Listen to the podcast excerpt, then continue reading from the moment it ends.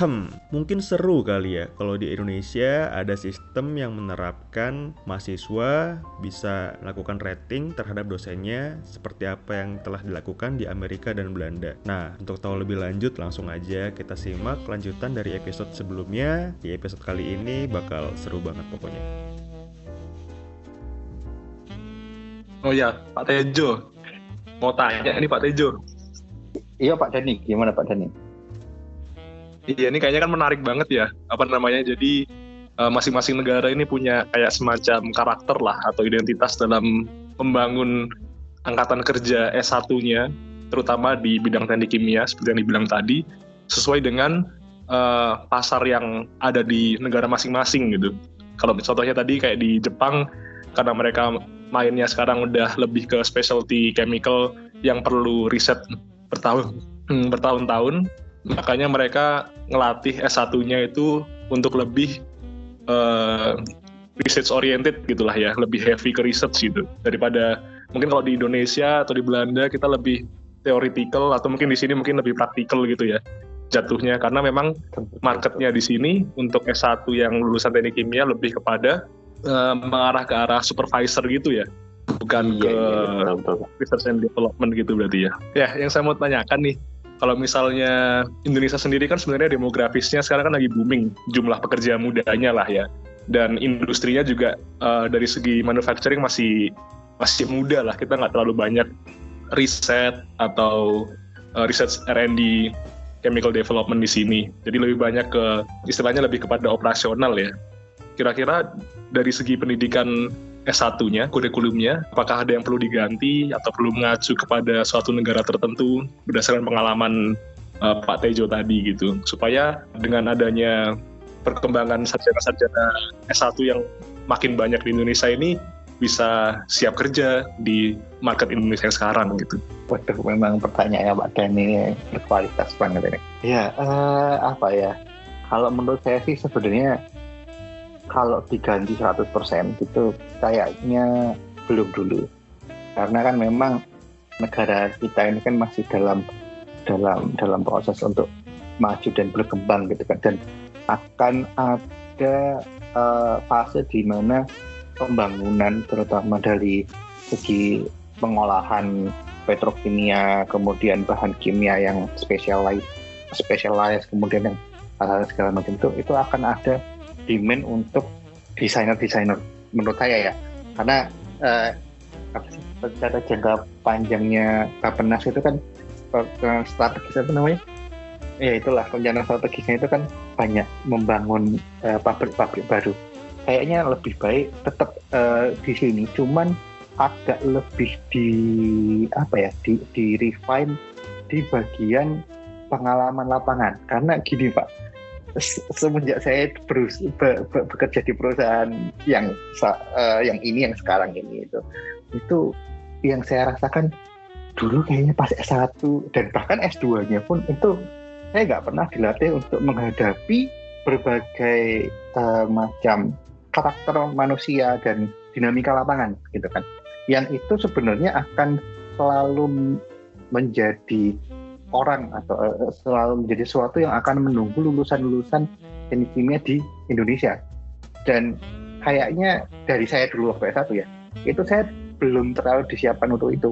Saya memang dulu belajar untuk desain, untuk uh, ngitung equipment ini bagaimana itu dapatnya banyak banget lah uh, dosen-dosennya ahli dalam itu. Cuman ternyata di setelah mendesain itu ada hal yang belum diajarkan ke kita yaitu bagaimana caranya mendeliver apa yang kita pikirkan dari desain ini kemudian apa yang kita maksudkan kenapa kita mendesain dengan hitungan seperti ini kemudian kasih tahu ke orang-orang yang akan menggunakan atau akan melakukan desain kita itu. Nah itu itu, itu yang menurut saya kurikulumnya mungkin bukan diubah tapi diperkaya ke situ gitu Gitu sih Pak, kalau dari saya ya Pak ya. Jadi kayak lebih menjelaskan konsep-konsep yang kita pelajari itu sebenarnya fungsinya buat apa gitu ya. Dan menjelaskan ke ya istilahnya kalau misalnya kita sebagai engineer gitu kan pasti bekerja dengan kawan-kawan di lapangan yang mereka lebih kuat di segi operasionalnya, tapi basic dari kenapa sih harus begini, kenapa harus begitu, mereka masih kadang-kadang agak di situlah kita yang harus ngungkapin ya betul betul pak. Jadi kayak uh, communication skill sama uh, apa ya uh, work ethic lah ke situ sih pak. Sama mungkin agak lebih banyak kerja praktek di lapangannya sih. Oke oke pak Tejo. Iya nih jadi sorry pak Yusuf ya saya sedikit nambahin. Aman pak. Lanjut pak. Seru ini pak. Iya jadi emang ini fenomena yang agak unik sih menurut saya karena saya juga dapat beberapa input dari kawan-kawan yang udah menyelesaikan S2 ya, terutama di luar negeri. Kebetulan saya sendiri belum S2, jadi uh, saya hanya dapat input aja. Kalau sebenarnya apa yang mereka pelajari di S2 itu kan sangat berat dari segi riset gitu sangat berat dari segi riset karena misalnya mereka mencari metode baru dalam pengeboran minyak atau mereka menemukan metode baru dalam pembuatan bahan kimia atau bahan biomedical dan lain-lain.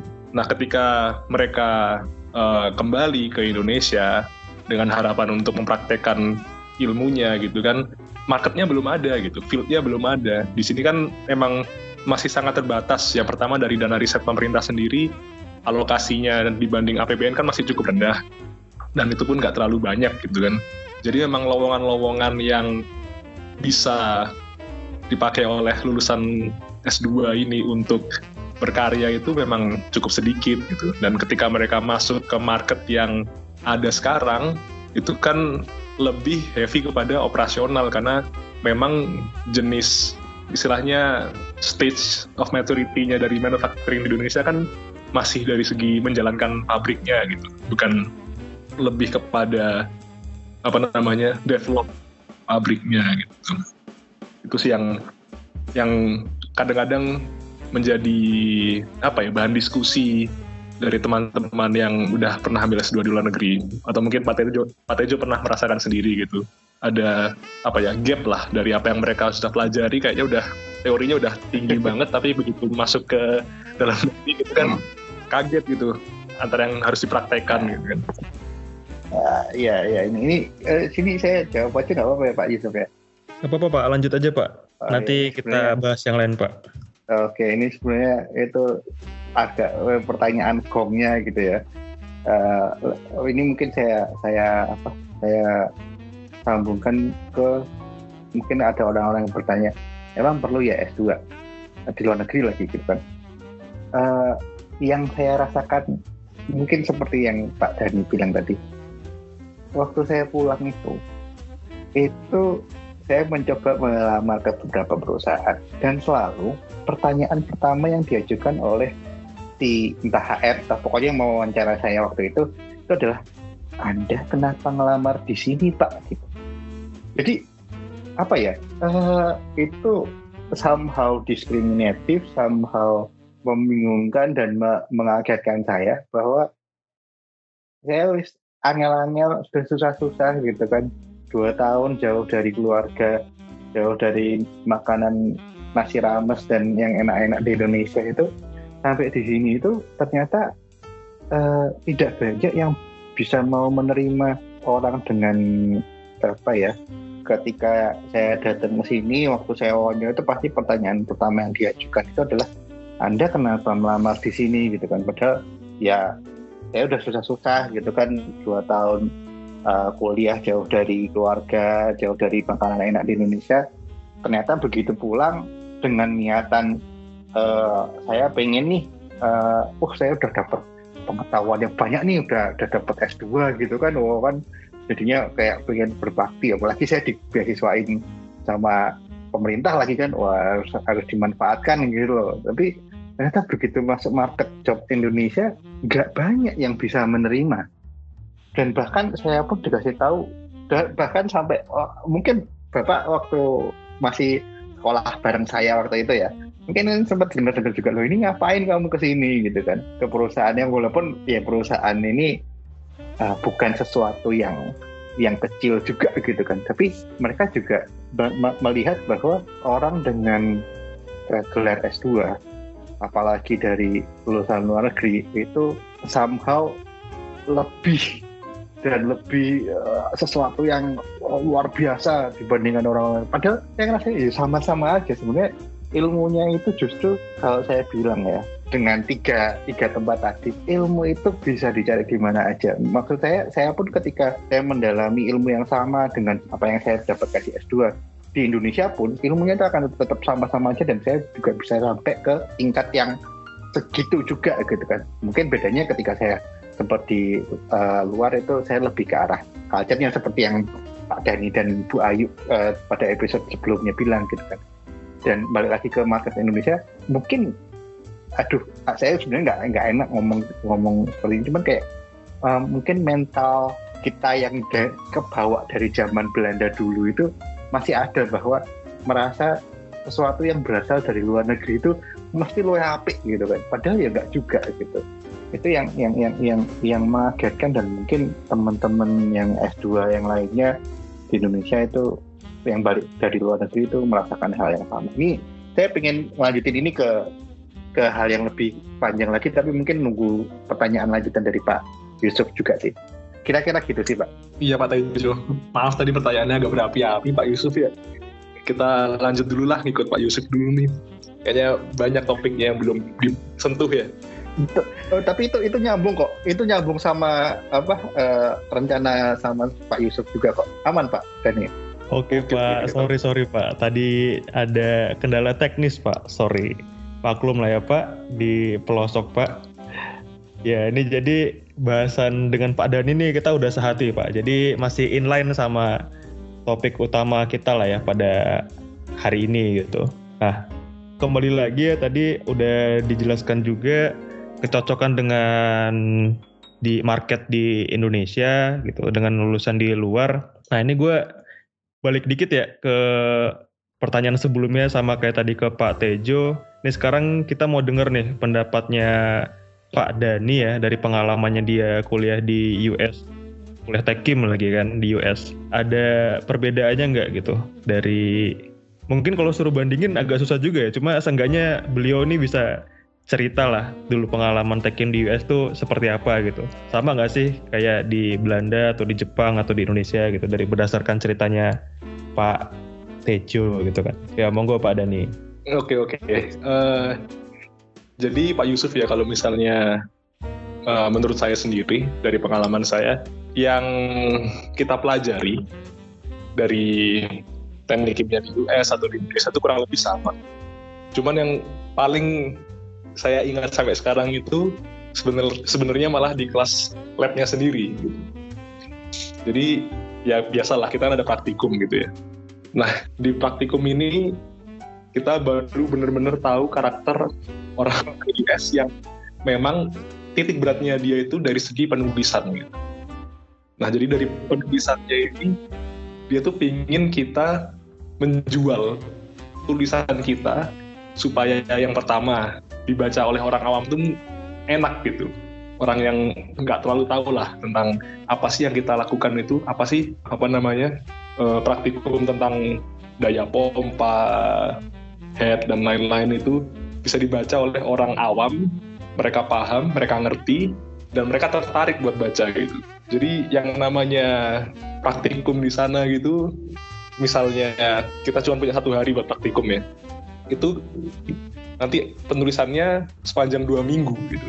Dan selama dua minggu itu bener-bener waktu kita paling banyak habis buat nulis laporan praktikum. Karena yang namanya gaya bahasa penulisannya itu harus perfect. Dan mereka expect kita buat bisa menjual tulisan kita ke orang-orang yang membaca gitu. Dan emang kalau dari segi uh, technicalnya misalnya perhitungan-perhitungan yang kita lakukan. Menurut saya sendiri sih di Indonesia tuh jauh lebih kuat gitu dari segi kalkulasi ya. Di sana sebenarnya kalkulasi lebih simple gitu.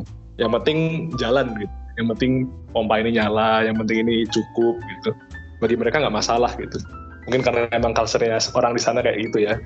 Tapi yang paling penting bagi mereka itu cara menjual riset atau tulisan kita dan ini cukup unik sih ya karena memang kalau di US sendiri kan kampus itu jadi bagus karena dosen-dosennya dan dosen-dosen yang bagus itu dianggap top tier kalau dia bisa mengeluarkan uh, beberapa hmm, paper atau beberapa riset yang menang penghargaan dan juga dapat funding yang banyak gitu. Nah, otomatis profesor-profesor ini mereka jago dong ngecapnya gitu kan. Mereka jago nge ngejual uh, hasil riset mereka ke perusahaan-perusahaan atau donatur atau ke government fund service dan lain-lain gitu. Dan itu yang ingin mereka tularkan ke kita gitu. Jadi istilahnya apa yang kita pelajari di situ ya yang, yang paling memorable itu emang dari cara penulisan dan cara kita mempresentasikan tulisan kita ke orang lain gitu sih. Kalau dari yang lainnya ya mirip-mirip sama kayak di Indonesia gitu. Kalau ngomongin profesor, gue jadi inget mbah kita semua pak, mbah Lieberman pak. Itu dia US bukan sih? Iya iya, uh, si mbah Lieberman ini US. Tapi dia kayak penganut yes. aliran aliran super strict gitu. Oke, jadi jadi gue mencoba sedikit mengulang ya. Kalau misalkan di US nih uh, yang paling ditonjolkan adalah metodologi penulisan report mungkin ya. Jadi gimana caranya itu biar mudah dimengerti tapi detail gitu menarik untuk orang baca. Kira-kira seperti itu ya Pak Dani ya Pak? Iya, jadi kalau di pelajaran-pelajaran yang diajarkan oleh dosen ini lebih kepada intinya gitu. Kayak konsepnya itu seperti apa, konsep dasarnya seperti apa. Nah, baru dari situ dikembangkannya sama mereka lewat ya praktikum-praktikum yang dilaksanakan gitu tapi titik beratnya mereka sih lebih kepada konsep yang paling dasar gitu. Setelah kita dapat konsep yang paling dasar, ya udah silakan kembangin sendiri melalui uh, riset yang kita laksanakan masing-masing. Gitu. Hmm, Pak Yusuf, Pak okay, Yusuf okay. mau nanggepin dikit boleh nggak? Silakan silakan Pak Tejo. Nah ini, nah ya ini ini menarik nih yang di infonya Pak Dan ini yang tentang di Amerika itu karena pengalaman saya satu tuh justru sebaliknya. Jadi kalau di sana kan uh, praktikum sehari bikin report dua minggu saya itu praktikum sehari ya besok pagi jam 9 itu report harus sudah kumpul. Buh, gimana bentuknya? Pokoknya hitungannya udah bener angka-angkanya udah bener selesai gitu kan. Itu yang mungkin benar kata Pak Dani ya kenapa universitas kita walaupun uh, lulusannya sebenarnya oke-oke juga dosennya juga sebenarnya oke-oke cuman nggak terlalu terpandang karena memang mereka nggak banyak nulis. Itu benar yang yang dibilang Pak Dani tadi gitu Pak. Iya jadi benar Pak Tejo.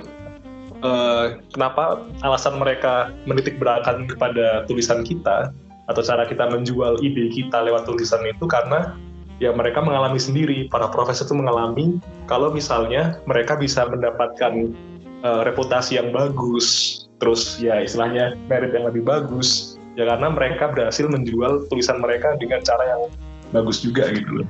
Jadi tulisan-tulisan mereka emang paper-paper mereka wih gila-gilaan sih.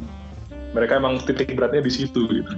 Jadi ya mungkin karena mereka paham kompetisi antar universitas ini untuk menaikkan nama baiknya dari segi riset dan riset itu tergantung dari cara penulisan juga kan.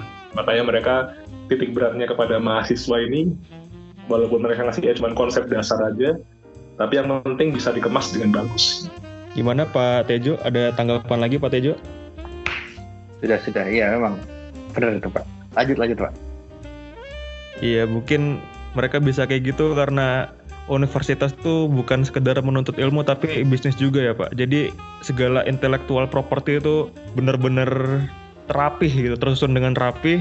Jadi itu bisa apa ya namanya ngebus uh, prestis dari masing-masing kampus dan dosennya mungkin begitu ya Pak Dani dan Pak Tejo ya Pak?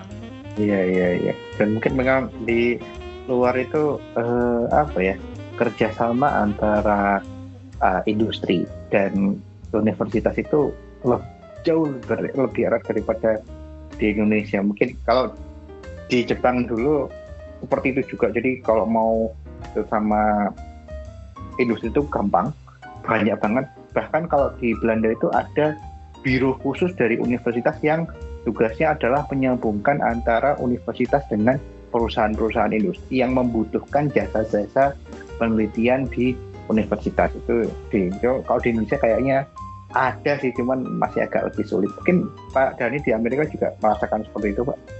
Iya Pak juga kurang lebih sama sih kasusnya di di US juga waktu saya kuliah kemarin emang itu hal yang sering terjadi gitu kan. Oh ya sama satu lagi mungkin yang menurut saya ini agak nyeletuk dikit nih karena kemarin baca di Twitter kan tentang salah satu mahasiswa atau mahasiswi ya yang dia dia kena sergap sama dosennya karena minta tolong bimbingannya di dipercepat atau gimana gitu. Saya agak lupa ya, mungkin Pak Yusuf pernah baca juga di Twitter nih. Iya itu sempat viral tuh Pak kemarin Pak itu agak lucu juga sih. Kalau nggak salah dia sorry ya ini aku agak lupa juga karena lagi banyak yang trending Pak belakangan ini Pak. Kalau nggak salah dia tuh minta bimbingan tapi dosennya tuh nggak sempet nggak ada waktu kalau nggak salah ya. Terus dia kayak marah-marah gitu lah intinya dia tantrumnya diluapkan di sosial media. Kalau nggak salah gitu Pak. Betul Pak Dani? Iya iya kurang lebih kayak gitu sih. Nah itu juga salah satu hal yang saya saya nggak tahu ya di sini di Indonesia mungkin uh, seperti apa customnya. Cuman kalau di US itu emang uh, dosen ini diwajibkan dan mereka malah justru mengencourage semua mahasiswanya buat datang ke office hour-nya dia gitu. Jadi biasanya dia punya office hour tiap minggunya berapa jam berapa jam dia di kantor duduk kita bisa ngobrol datang gitu kan atau kita bisa janjian ketemu kapan gitu dulu bahkan waktu kan di sana juga ada kelas bahasa Inggris ya. Dan Inggris gue Inggris gue juga nggak terlalu bagus gitu. Akhirnya sering uh, ngerepotin dosennya sampai dalam seminggu dua sampai tiga kali ketemu. Cuman buat ngasah tulisan esainya gitu-gitu. Konsultasi masalah essay konsultasi masalah uh, penulisan dan lain-lain gitu. Dan mereka malah seneng banget kalau misalnya kita datang gitu. Jadi ya aku nggak tahu di sini seperti apa. Cuman rata-rata di sana tuh sangat uh, mengencourage buat orang datang temuin dia di office hour-nya. Selama mereka paham kalau dosennya juga riset yang harus dilakukan, jadi harus janjian dulu gitu. Karena emang dari kampusnya sendiri, kalau misalnya mereka nggak menolak atau mereka susah ditemuin, kita bisa ngelaporin ke kampusnya. Karena kan ya gimana-gimana kita juga bayar gitu kan. Jadi itu kewajiban dari dosennya gitu. Itu, itu sih. Kalau di Belanda dan Jepang gimana Pak Tejo? Apakah dosennya susah ditemuin atau justru kayak di US kan menyempatkan waktu untuk bimbingan gitu kayak gimana Pak? Mungkin bisa di sharing Pak. Iya, kalau di uh, Jepang dulu kali ya. Di Jepang itu dosen saya atau sensei saya itu dia uh, lebih banyak di lab gitu kan dan beliau itu kata-katanya kata-kata sensei itu mutlak banget. Dan kita tuh sangat-sangat apa ya uh, takut lah sama sensei. Bukan karena dia galak atau apa cuman kita hormat lah sama beliau. Gak akan ada mahasiswa di lab itu yang pulang sebelum senseinya pulang. Jadi sensei datang kita udah harus di lab. Sensei pulang itu kita harus masih ada di lab. Itu itu uh, apa ya ke budayanya orang sana gitu ya dan kalau mau nemuin sebenarnya kalau sensei itu uh, sensei saya itu lulusan Amerika jadi agak-agak nyantai gitu ya. Agak gampang ditemui ya uh, cuman kalau untuk ke dosen-dosen kan karena saya juga nggak terlalu banyak ngambil kuliah ya saya lebih banyak penelitian sama sensei saya jadi saya nggak nggak nggak terlalu mengerti untuk yang dosen-dosen yang pada umumnya untuk anak kuliahan di sana. Cuman setahu saya mereka kan dosen itu kayak kabaknya lab lah. Jadi apa-apa tuh atas keputusannya dia atas kuasanya dia. Jadi pasti dia ada di lab. Dan kita disarankan untuk memberikan report secara teratur kepada beliau gitu. Karena semua kendali penelitian dan segala macam itu ada di dia. Kalau di Belanda itu uh, sama seperti uh, Pak Dani tadi di Amerika. Jadi mereka ada office hour dan mereka terutama pas mau jadwal ujian gitu ya itu mereka akan menginformasikan bahwa office hour mereka jam sekian dan sangat-sangat disarankan untuk datang.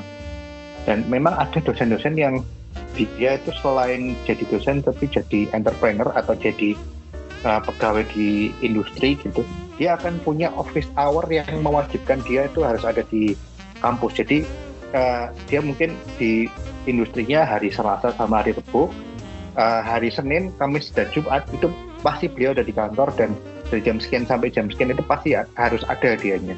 Jadi uh, di sana itu dosen gampang banget ditemui dan bahkan kalau di Belanda itu saya pernah punya pengalaman Jadi kita itu ada semacam komite mahasiswa yang tiap uh, semester, tiap quarter, kalau sistemnya kan per tiga bulan ya, per quarter gitu, itu menilai uh, dosen pada mata kuliah tersebut. Itu semua orang ngasih vote, kemudian uh, ada member untuk yang komitenya itu dia akan merangkum dan menyampaikan itu ke komite dari sisi dosen-dosennya, dari sisi uh, departemen uh, teknik kimianya gitu kan, menyampaikan keluhannya mahasiswa tentang mata kuliah ini gimana, misalnya mata kuliah ini rasanya kok uh, 6 SKS tapi cuma dikasih 3 SKS gitu kan, karena praktikumnya banyak atau misalnya PR-nya terlalu banyak gitu, akhirnya tahun depannya diganti. Terus pas zaman saya itu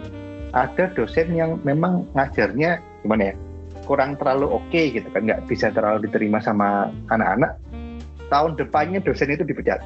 Maksudnya diganti karena penilaiannya tentang beliau itu sudah tiga tiga semester berturut-turut uh, beliau nggak nggak terlalu bagus ngajarnya. Akhirnya beliau diganti. Sepowerful itu kekuatan mahasiswa terhadap dosen di Belanda. Itu yang di di Tilburg terutama ya. Itu yang saya rasakan sih. Memang dosen itu di sana di di, di, di, di dipandang sebagai orang yang menyediakan jasa uh, pengetahuan. Gitu. Iya, Pak Yusuf tadi uh, tentang yang uh, menilai dosennya ya. Jadi itu ada juga nih di US namanya website namanya readmyprofessor.com.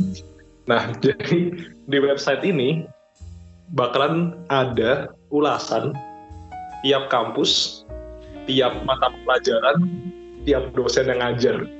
Di situ ada reviewnya. Dosen ini misalnya, oh dosen ini paling mantep nih, dia suka kasih bonus ekstra kredit, eh, di office hour dia selalu ada. Tapi ada juga yang misalnya, nih dosen ini uh, nyebelin, dia sukanya datang telat, ngasih assignmentnya kebanyakan, kasih nilainya jelek-jelek gitu. Semuanya ada. Dan di situ juga ada nilai-nilainya. Di rating dari 10 misalnya dia ternyata 7 out of 10 gitu.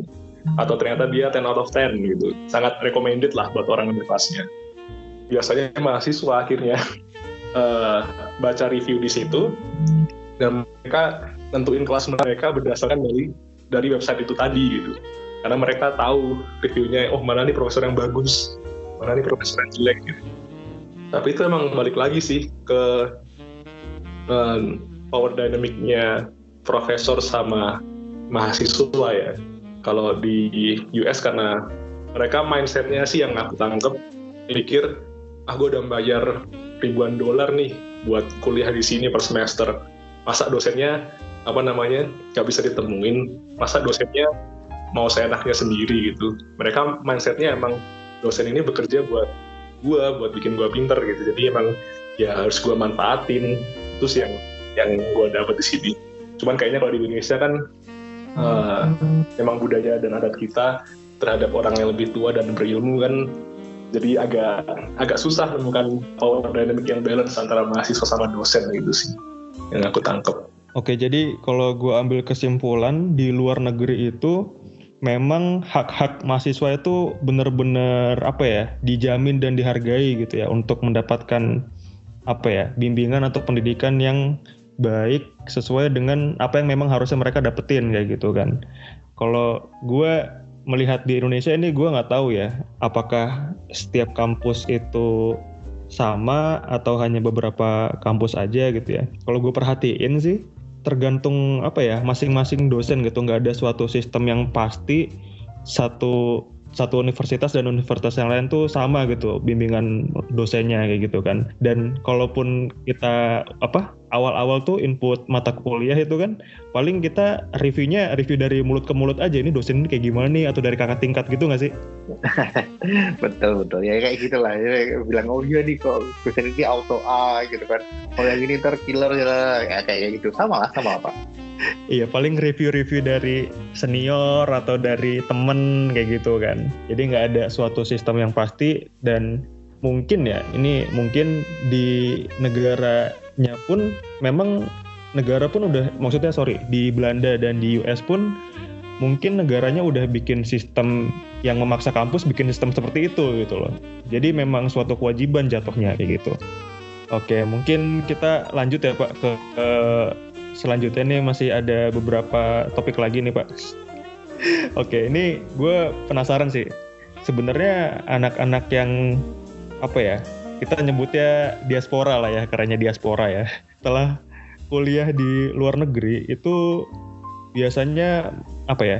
Awal-awal dulu deh, awal dulu. Setelah mereka nih yang kuliah di luar negeri itu biayanya dari sendiri kah atau dari mana sih biasanya mereka ngebiayain kuliahnya kayak gitu? Mungkin Mas Dani dan Pak Tejo bisa jelasin lah ya. Apakah kebanyakan tuh mayoritas emang saudagar-saudagar gitu kan bisa kuliah di luar atau dari beasiswa atau kayak gimana? Monggo Pak. Selain pandang. Pak dari dulu, Pak dari dulu, Pak dari dulu.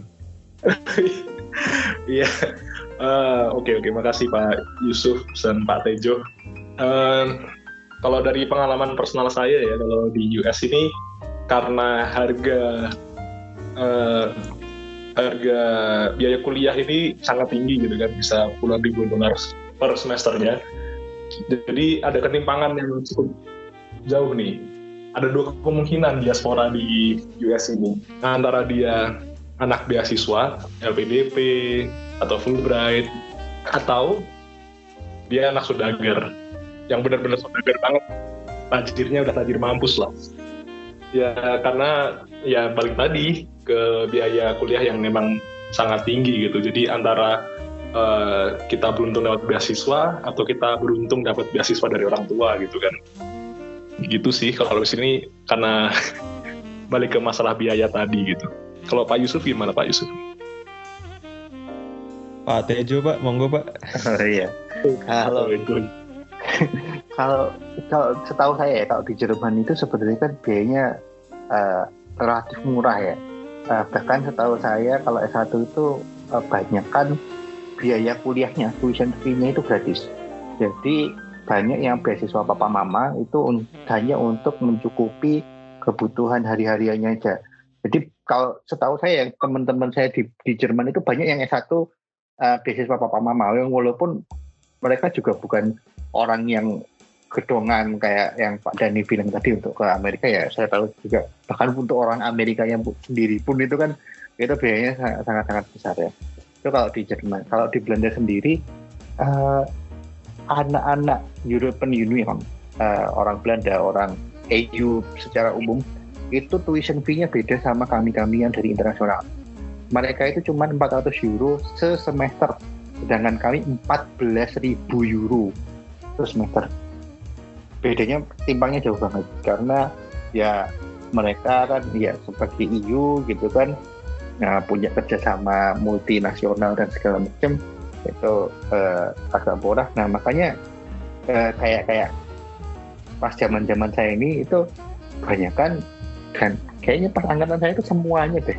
Nggak ada yang beasiswa bapak mama. Semuanya itu beasiswa eh, kebanyakan LPDP ada juga kalau di Belanda itu namanya apa sih yang orange orange itu stunet stunet stunet, stunet. nah stunet beasiswa stunet itu yang yang untuk uh, ke sana. Karena tuition fee-nya lumayan uh, kemudian biaya hidupnya juga lumayan. Jadi ya biasanya orang-orang situ adalah uh, orang-orang yang cukup beruntung untuk dapat kesempatan memperbaiki cara hidupnya melalui beasiswa sih pak kalau di Belanda. Kalau di Jepang dulu juga banyak. Kan itu Monbu Kagakusho kalau bapak pernah tahu atau beasiswa Mitsui juga ada tapi paling banyak Monbu itu normalnya yang S2 langsung S3 5 tahun itu kalau di Jepang setahu saya seperti itu sih Pak. Gimana Pak Dani ada tanggapan? Iya, iya emang kurang lebih kayak gitu sih tergantung negaranya. Kalau biasanya negara-negara yang biaya kuliahnya ini relatif murah atau gratis, banyak yang emang biaya sendiri untuk kuliah di sana. Tapi kalau untuk negara-negara yang nggak banyak bantuan dari segi biaya kuliahnya sendiri dari pemerintah, jadi ya biasanya bakal ada ketimpangan gitu. Oke, berarti emang kuliah di luar nih sangat memakan biaya ya. Nah ini gue tadi tertarik sih dengar uh, Pak Tejo nih juga uh, beasiswa dari salah satu beasiswa yang sangat prestisius lah ya di Indo gitu kan.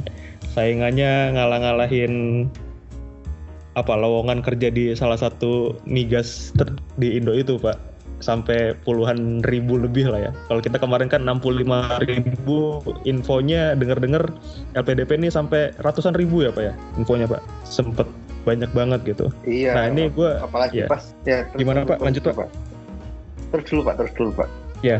Apalagi apa ya melihat pertama dulu sih dulu zamanku waktu kuliah tuh masih nyari-nyari mau S2 itu kan universitasnya masih terbatas lah ya beberapa gitu. Terus yang kedua eh, kuotanya tuh dikit tapi saingannya banyak lah ya gitu kan.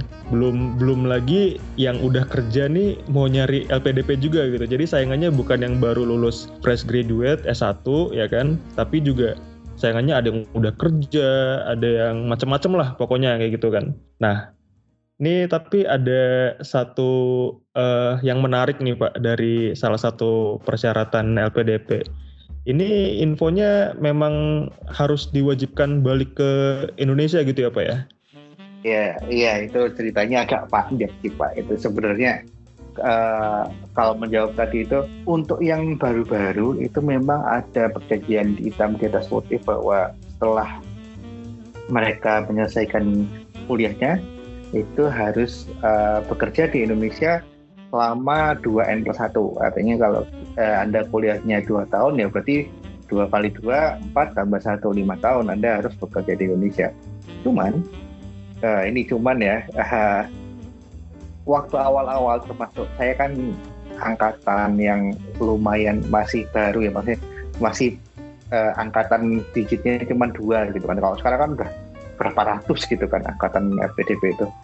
Nah itu pas zaman saya itu eh, bukti hitam di atas putihnya itu kalimatnya nggak kuat pak. Jadi cuman dibilang bahwa anda harus kembali dan atau atau mengabdi untuk Indonesia. Nah itu kan sebenarnya multitafsir ya pak. Eh, mengabdi untuk Indonesia itu kan tidak berarti anda harus ada di Indonesia tubuhnya, tapi siapa tahu anda melakukan riset yang luas lebih atau bekerja di suatu uh, perusahaan di luar negeri yang uh, ada kaitannya dan membangun uh, kemaslahatan Indonesia gitu kan. Nah itu itu yang yang yang yang sebenarnya cukup jadi polemik sih Pak. Dan menanggapi uh, komentar Bapak yang pas dulu itu uh, susah uh, awalnya agak gampang sekarang uh, eh dulunya agak susah sekarang menjadi gampang. Sebenarnya justru kebalik mbak. Jadi dulu itu pas zaman saya daftar itu itu kuotanya banyak banget. Itu empat kali dalam setahun kalau nggak salah penerimaannya. Eh, dan masih banyak yang anak S1 langsung pengen S2 bahkan pas zaman saya lulus itu eh, karir pet itu ada satu tambahan yaitu jadi anak beasiswa LPDP kenapa karena kalau jadi anak beasiswa LPDP terus kawin itu dapat tambahan eh, uang bulanan sebesar 22% karena membawa istri gitu kan. Jadi Anda dapat kuliah S2 ke luar negeri, dapat istri lagi gitu kan. Jadi itu itu dulu sangat populer sekali pada zaman saya waktu eh, dapat beasiswa itu. Nah, justru sekarang itu jumlah universitasnya itu dibatasi. Dan jumlah eh, kuotanya juga jauh lebih turun. Karena memang ada evaluasi seperti yang Bapak katakan tadi ternyata banyak uh, non sewu diaspora diaspora yang sudah lulus ini tidak kembali gitu kan. Jadi ada evaluasi dari DPR kepada uh, pihak LPDP yang di mana itu kan di bawahnya tiga kementerian.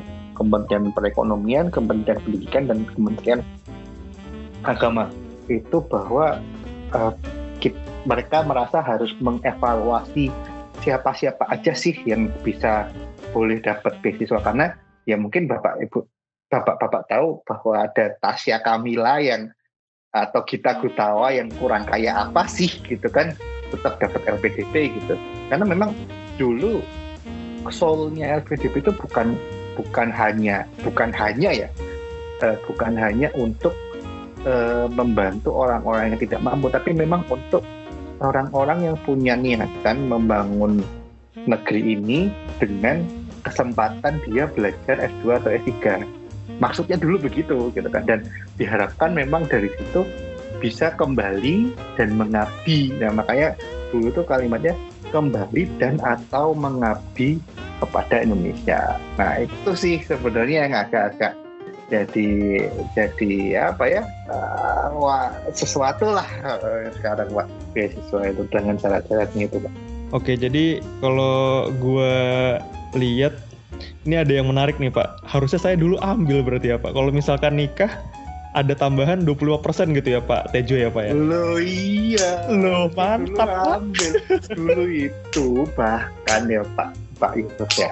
Itu tuh gam, jauh lebih gampang karena gini Pak. Universitas saya sekarang, eh universitas saya saya dulu ambil S2 TU Delft itu. Sekarang sudah tidak masuk daftarnya LPDP. Karena sekarang itu modelnya cuman men mendasarkan university ranking itu loh Pak. Jadi menurut saya sih, menurut banyak teman-teman alumni juga itu agak kurang ini ya, kurang representatif ya. Karena jadinya uh, tempat saya itu untuk infrastruktur, untuk sipil, dan untuk air, Delft itu nomor satu di dunia. Ya. Belanda dengan jamnya siapa sih yang nggak tahu gitu kan? Tapi karena padahal dan itu dibutuhkan loh orang-orang yang mengatasi banjir, orang-orang yang mengatasi apa kesulitan air dan sistem irigasi. Lihat Jakarta udah mau tenggelam seperti itu ya kita nggak punya ahli yang benar-benar bisa itu cuman baru dikit kok ya nggak dikasih kesempatan ke sana itu itu kalau nanti ada kesempatan saya pengen bahas tentang itu sih pak cuman mungkin bapak ada uh, pertanyaan-pertanyaan lain silahkan dulu Oke oke. Ini menarik nih Pak. Kalau nggak salah ya Pak, dulu Pak Dani juga sempat cerita uh, diwajibkan balik ke Indonesia juga gitu untuk mengabdi gitu. Ada klausul tahunnya juga. Bukan begitu Pak Dani? Iya, uh, benar sekali Pak Yusuf. Jadi uh, kebetulan untuk yang saya terima ini dia ada kerjasama dengan USAID ya dan di memang salah satu persyaratan dari USAID ini untuk uh, beasiswa yang dia berikan itu ada klausul supaya visa yang diberi ke penerima ini jangan hanya visa pelajar aja gitu. Jadi di US sendiri kan ada visa F1 dan J1. Kalau F1 visa ini untuk pelajar atau pelajar internasional, kalau J1 ini lebih kepada pertukaran pelajar ya. Kalau nggak salah, aku nggak lupa sih. Cuman yang J1 ini yang pasti ketika visa ini sudah habis, kita diwajibkan untuk kembali minimal 2 tahun sebelum uh, memperbarui visa lagi gitu.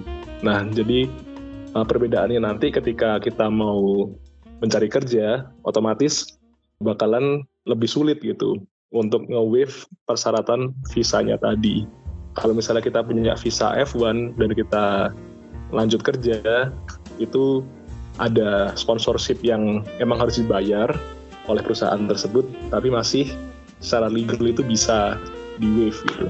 Tapi kalau J1 mau nggak mau kita harus balik ke Indonesia atau ke negara asal yang masing-masing setelah masa berlakunya atau setelah kita lulus.